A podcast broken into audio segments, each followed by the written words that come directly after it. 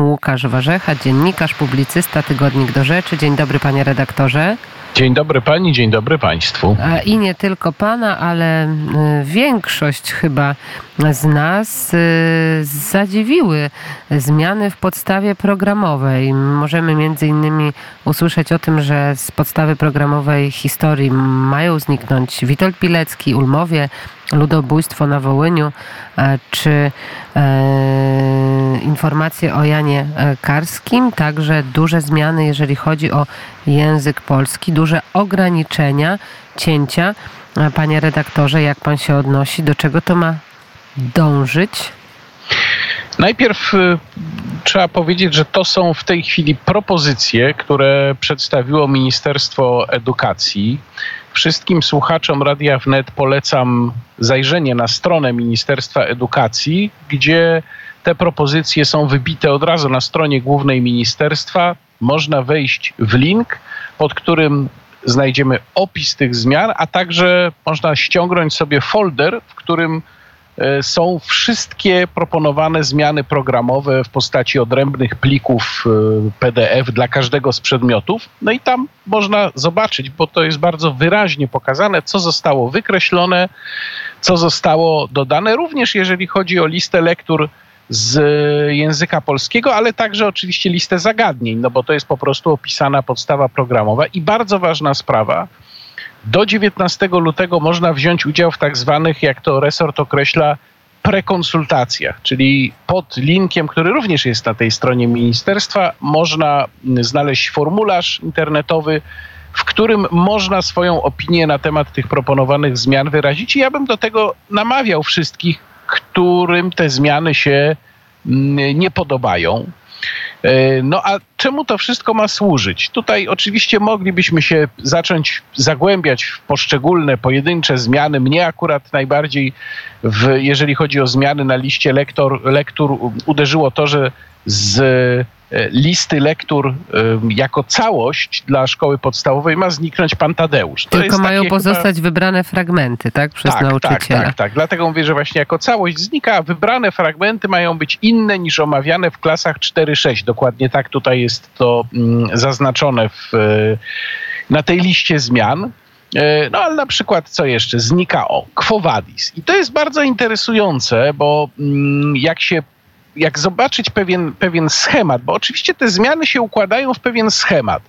Jak spojrzeć na taki całościowy obraz, to widzimy, że wylatuje bardzo dużo, jeżeli chodzi o język polski, wylatuje bardzo dużo lektur, które w jakiś sposób mogą się kojarzyć z tradycją, z kościołem, z wiarą, z tradycyjnymi wartościami.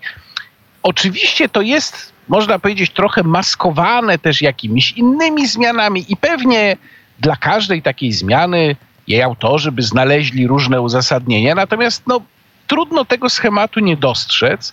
Dodatkowo, jeżeli się spojrzy na zmiany mm, w programie nauczania historii, e, ale także innych przedmiotów, które o to zahaczają, to widać, że e, wylatują takie rzeczy czy zagadnienia, które mają służyć jakiemuś wartościowaniu wydarzeń. Na przykład bardzo często to w programie historii akurat tak jest, znika to, co jest um, oceną postępowania, a tylko zostaje opis sytuacji. Czyli wartości znikają, wartościowanie znika, zostaje sam opis, taki jak można się domyślić, neutralny. To mają uczniowie tylko wiedzieć. Znikają również te zagadnienia, gdzie jest mowa o jakichś polskich osiągnięciach. No na przykład charakterystyczne że mm, mają zniknąć zagadnienia tam, gdzie wskazuje się uczniom na osiągnięcia polskiego biznesu czy polskiej gospodarki. No to Eugeniusz Kwiatkowski ma zniknąć chyba też. I jego e, no, być może wpływ. Eugeniusz Kwiatkowski też zniknie. Nie, tak, tak, tak, to jest też zapowiadane, to jest też zapowiadane. W, w, w historii, tak, no ja po prostu nie wszystko jeszcze mhm. prześledziłem, więc, y, więc tak, to jest bardzo możliwe, że tak jest. E, no znika na przykład informacja o, o, o świętym ojcu Maksymilianie Kolbe, mnóstwo takich rzeczy. No i teraz o co tutaj chodzi? No chyba trudno mieć wątpliwości, że to jest lepienie nowego człowieka. Jak się to powiąże jeszcze z tą zapowiedzią ogólną że szkoła ma być uśmiechnięta i przyjazna, czyli uczniowie sami mają właściwie wyznaczać też w przyszłości, co będą chcieli robić, prace domowe nieobowiązkowe i tak dalej, i tak dalej. Robi się skrajnie niebezpieczna wizja, e, wizja właśnie ulepienia, stworzenia nowego człowieka, który będzie pozbawiony fundamentalnych, tożsamościowych informacji, tożsamościowej wiedzy, będzie pozbawiony poczucia obowiązku, będzie w pewnych sferach nadwrażliwy i jak sobie to wszystko uświadomimy, zbierzemy to w pewną całość, w pewien konstrukt, no to można się naprawdę przerazić. Ja mam nadzieję, że ten lewicowy eksperyment, którym jest y, pani minister Barbara Nowacka, nie potrwa mm, jakoś bardzo długo, ale nawet jeżeli on się skończy po kilku latach, no to i tak będziemy mieli co najmniej kilka roczników, które niestety z takiej szkoły najprawdopodobniej wyjdą, bo no, niektórzy teraz mówią, ale przecież są te prekonsultacje, to jest taki postęp, bo poprzednia władza nie robiła prekonsultacji, to przecież można wyrazić swoje zdanie. No tylko ja przypominam, że konsultacje w dzisiejszych czasach są bardzo często pozorem. No przecież to znamy doskonale z innej dziedziny, czyli z konsultacji władz miast, jak zmieniać właśnie tkankę miejską. No, urzędnicy ogłaszają konsultacje, czy tam na przykład likwidować jakieś miejsca parkingowe. Ogłaszają je po cichu, zgłaszają się głównie aktywiści miejscy, a nawet jeżeli się zgłasza ktoś więcej i na tych konsultacjach powstaje, pojawia się sprzeciw, to i tak potem się okazuje, że urzędnicy mają to gdzieś i w ogóle tego nie biorą pod uwagę. I tutaj też tak może być. E, tak samo jest z pracami domowymi, że są konsultacje i różnego rodzaju organizacje się zgłaszają. Niedługo mamy poznać wynik tych konsultacji. Tu z kolei do 26 e, prace domowe i właśnie a propos tej uśmiechniętej i radosnej szkoły, e, to prace domowe na pewno ten uśmiech dzieciom z twarzy zabierają. Ale jak jest z pracami domowymi dla ukraińskich dzieci, to myślę, że będzie trochę dla nich radośnie nie odrabiać prac domowych, bo przecież ten język jest dla nich e, trudny i, e, i wymagający. Ale jak e, mówię o ukraińskich dzieciach i ukraińskiej młodzieży, to także nie sposób nie wspomnieć o tym, o czym w sumie mało się mówi, a uważam, że powinno się mówić, bo nie wiem, jak nowy rząd zareaguje i jaki ma pomysł na to, ale prawo dopuszcza udział w wyborach samorządowych właśnie na przykład obywateli innych krajów, a co za tym idzie obywateli Ukrainy. Jak pan e, patrzy na ten e, pomysł, bo nie tylko mm, e, pan o tym pisze, czy inni dziennikarze, ale i także pisał o tym obecny minister sprawiedliwości. E, tak, e, w czerwcu ubiegłego roku pan Adam Bodnar opublikował felieton w Gazecie Wyborczej, w którym stwierdził, że prawo, które obecnie przysługuje obywatelom krajów Unii Europejskiej, rzeczywiście tak jest, że mogą oni głosować w wyborach do rad powiatów czy, czy rad gmin, żeby to prawo poszerzyć również na obywateli Ukrainy, czyli osoby spoza Unii Europejskiej. No i to jest oczywiście pomysł absolutnie fatalny. Mm, pojawił się wczoraj w Rzeczpospolitej tekst e, na ten temat. E, no i mm, ten tekst oczywiście jest pewną taką spekulacją dziennikarską, natomiast miejmy ze świadomość, że są osoby, dlatego mówię właśnie tutaj o panu ministrze Bodnarze, które uważają, że tak właśnie się powinno stać. Teraz dlaczego to jest fatalny pomysł? To jest fatalny pomysł. Nawet powiedziałbym, nie wiem, czy nie gorszy niż gdyby przyznać Ukraińcom prawo do wzięcia udziału w wyborach parlamentarnych. Dlatego, że y, on wygeneruje na szczeblu lokalnym dramatyczne konflikty. Można sobie wyobrazić sytuację, w której w niektórych miejscowościach y, władze de facto przejmą Ukraińcy nie będący polskimi obywatelami. Dlaczego to ma duże znaczenie? Bo polski obywatel no, poprzez uzyskanie, przejście procedury uzyskania obywatelstwa, można przynajmniej teoretycznie założyć, że um, interesuje go polski interes, że się na poważnie związał z Polską, skoro przeszedł tę drogę uzyskiwania obywatelstwa i ostatecznie je dostał, że został w pewien sposób sprawdzony, bo przecież uzyskanie obywatelstwa to również jest sprawdzenie takiej osoby, czy ona na przykład nie jest, nie wiem, jakimś agentem obcego państwa. Natomiast tutaj bez obywatelstwa, gdyby ci ludzie uzyskali takie prawo głosu, to jak powiedziałem, można sobie wyobrazić sytuację, w której mm, jakaś miejscowość zostaje de facto przejęta, władza w tej miejscowości zostaje de facto przejęta przez Ukraińców nie będących polskimi obywatelami. Ja nie wiem, czy pan Bodnar w ogóle zdaje sobie sprawę z tego, jakie to może mieć gigantyczne konsekwencje. E, zwłaszcza no, na obszarach wschodnich Rzeczypospolitej, gdzie właściwie takie miejscowości znalazłyby się w jakimś stopniu poza polską kontrolą. Jakie by to zaczęło wywoływać konflikty, gdzie polscy obywatele właściwie mogliby się stać ludźmi drugiej kategorii. Gdyby się okazało, że Ukraińcy rządzący taką gminą no, działają głównie na korzyść Ukrainy i innych Ukraińców. Ten pomysł jest dramatycznie groźny. Dramatycznie Ale groźny. Chyba I ktoś, nierealny, panie redaktorze.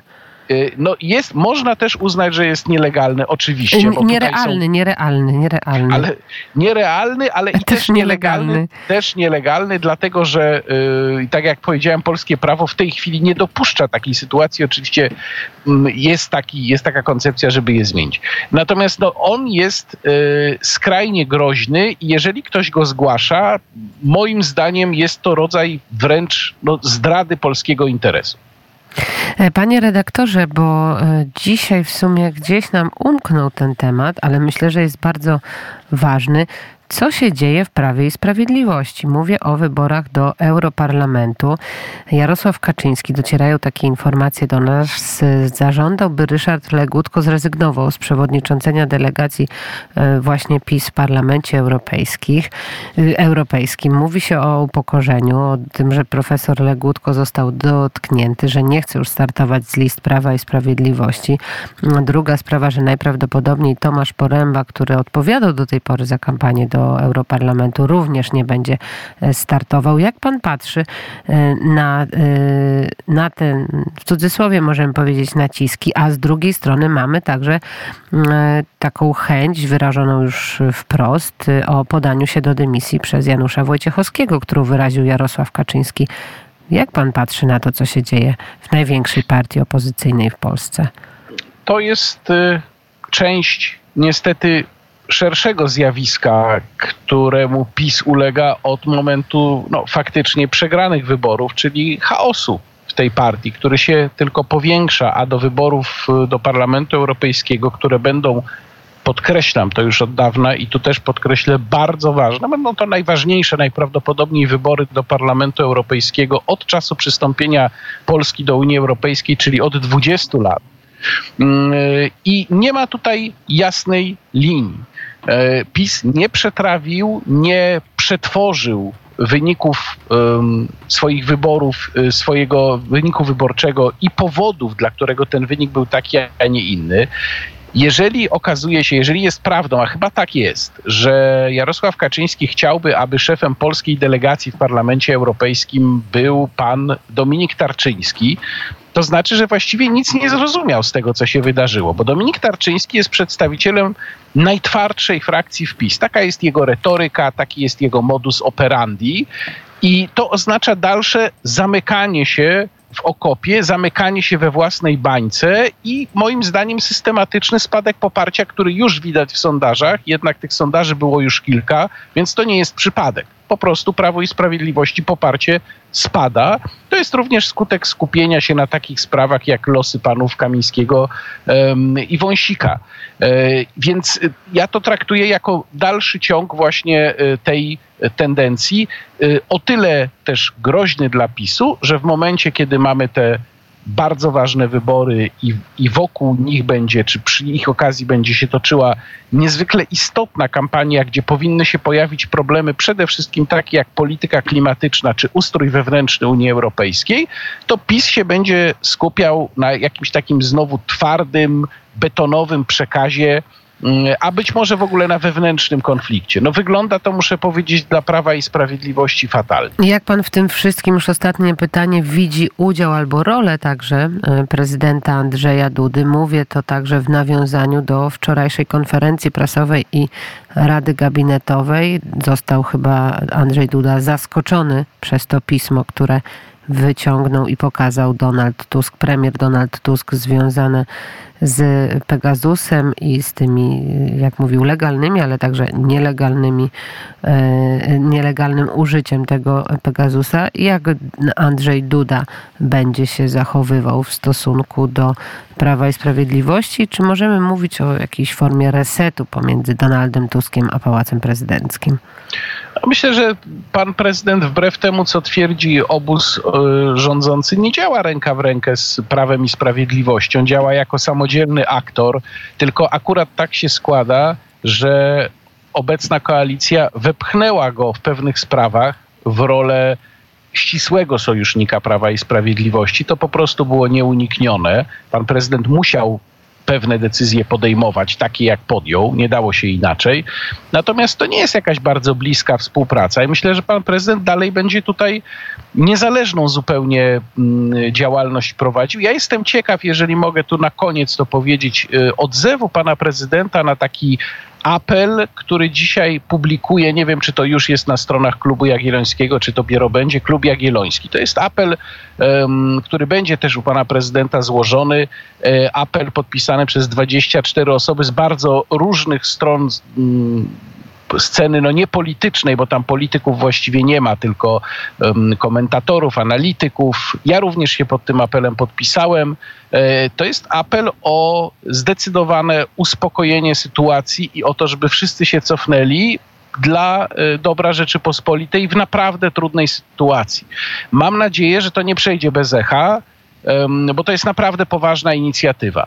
Więc tu bym też oczekiwał reakcji pana prezydenta na ten właśnie apel. E, rozumiem, że ten apel ukaże się na stronach e, e, klubu tak, Jagiellońskiego. Tak, dzisiaj to będzie dzisiaj, albo nawet już jest, akurat teraz nie sprawdzałem, ale można wejść na stronę klubu Jagiellońskiego. Z całą pewnością dzisiaj ten tekst się tam pojawi. Bardzo serdecznie dziękuję za ten głos. Mówił Łukasz Warzecha, dziennikarz, publicysta, tygodnik do rzeczy. Dziękuję panie redaktorze i dobrego dnia. Dziękuję bardzo, również dobrego dnia.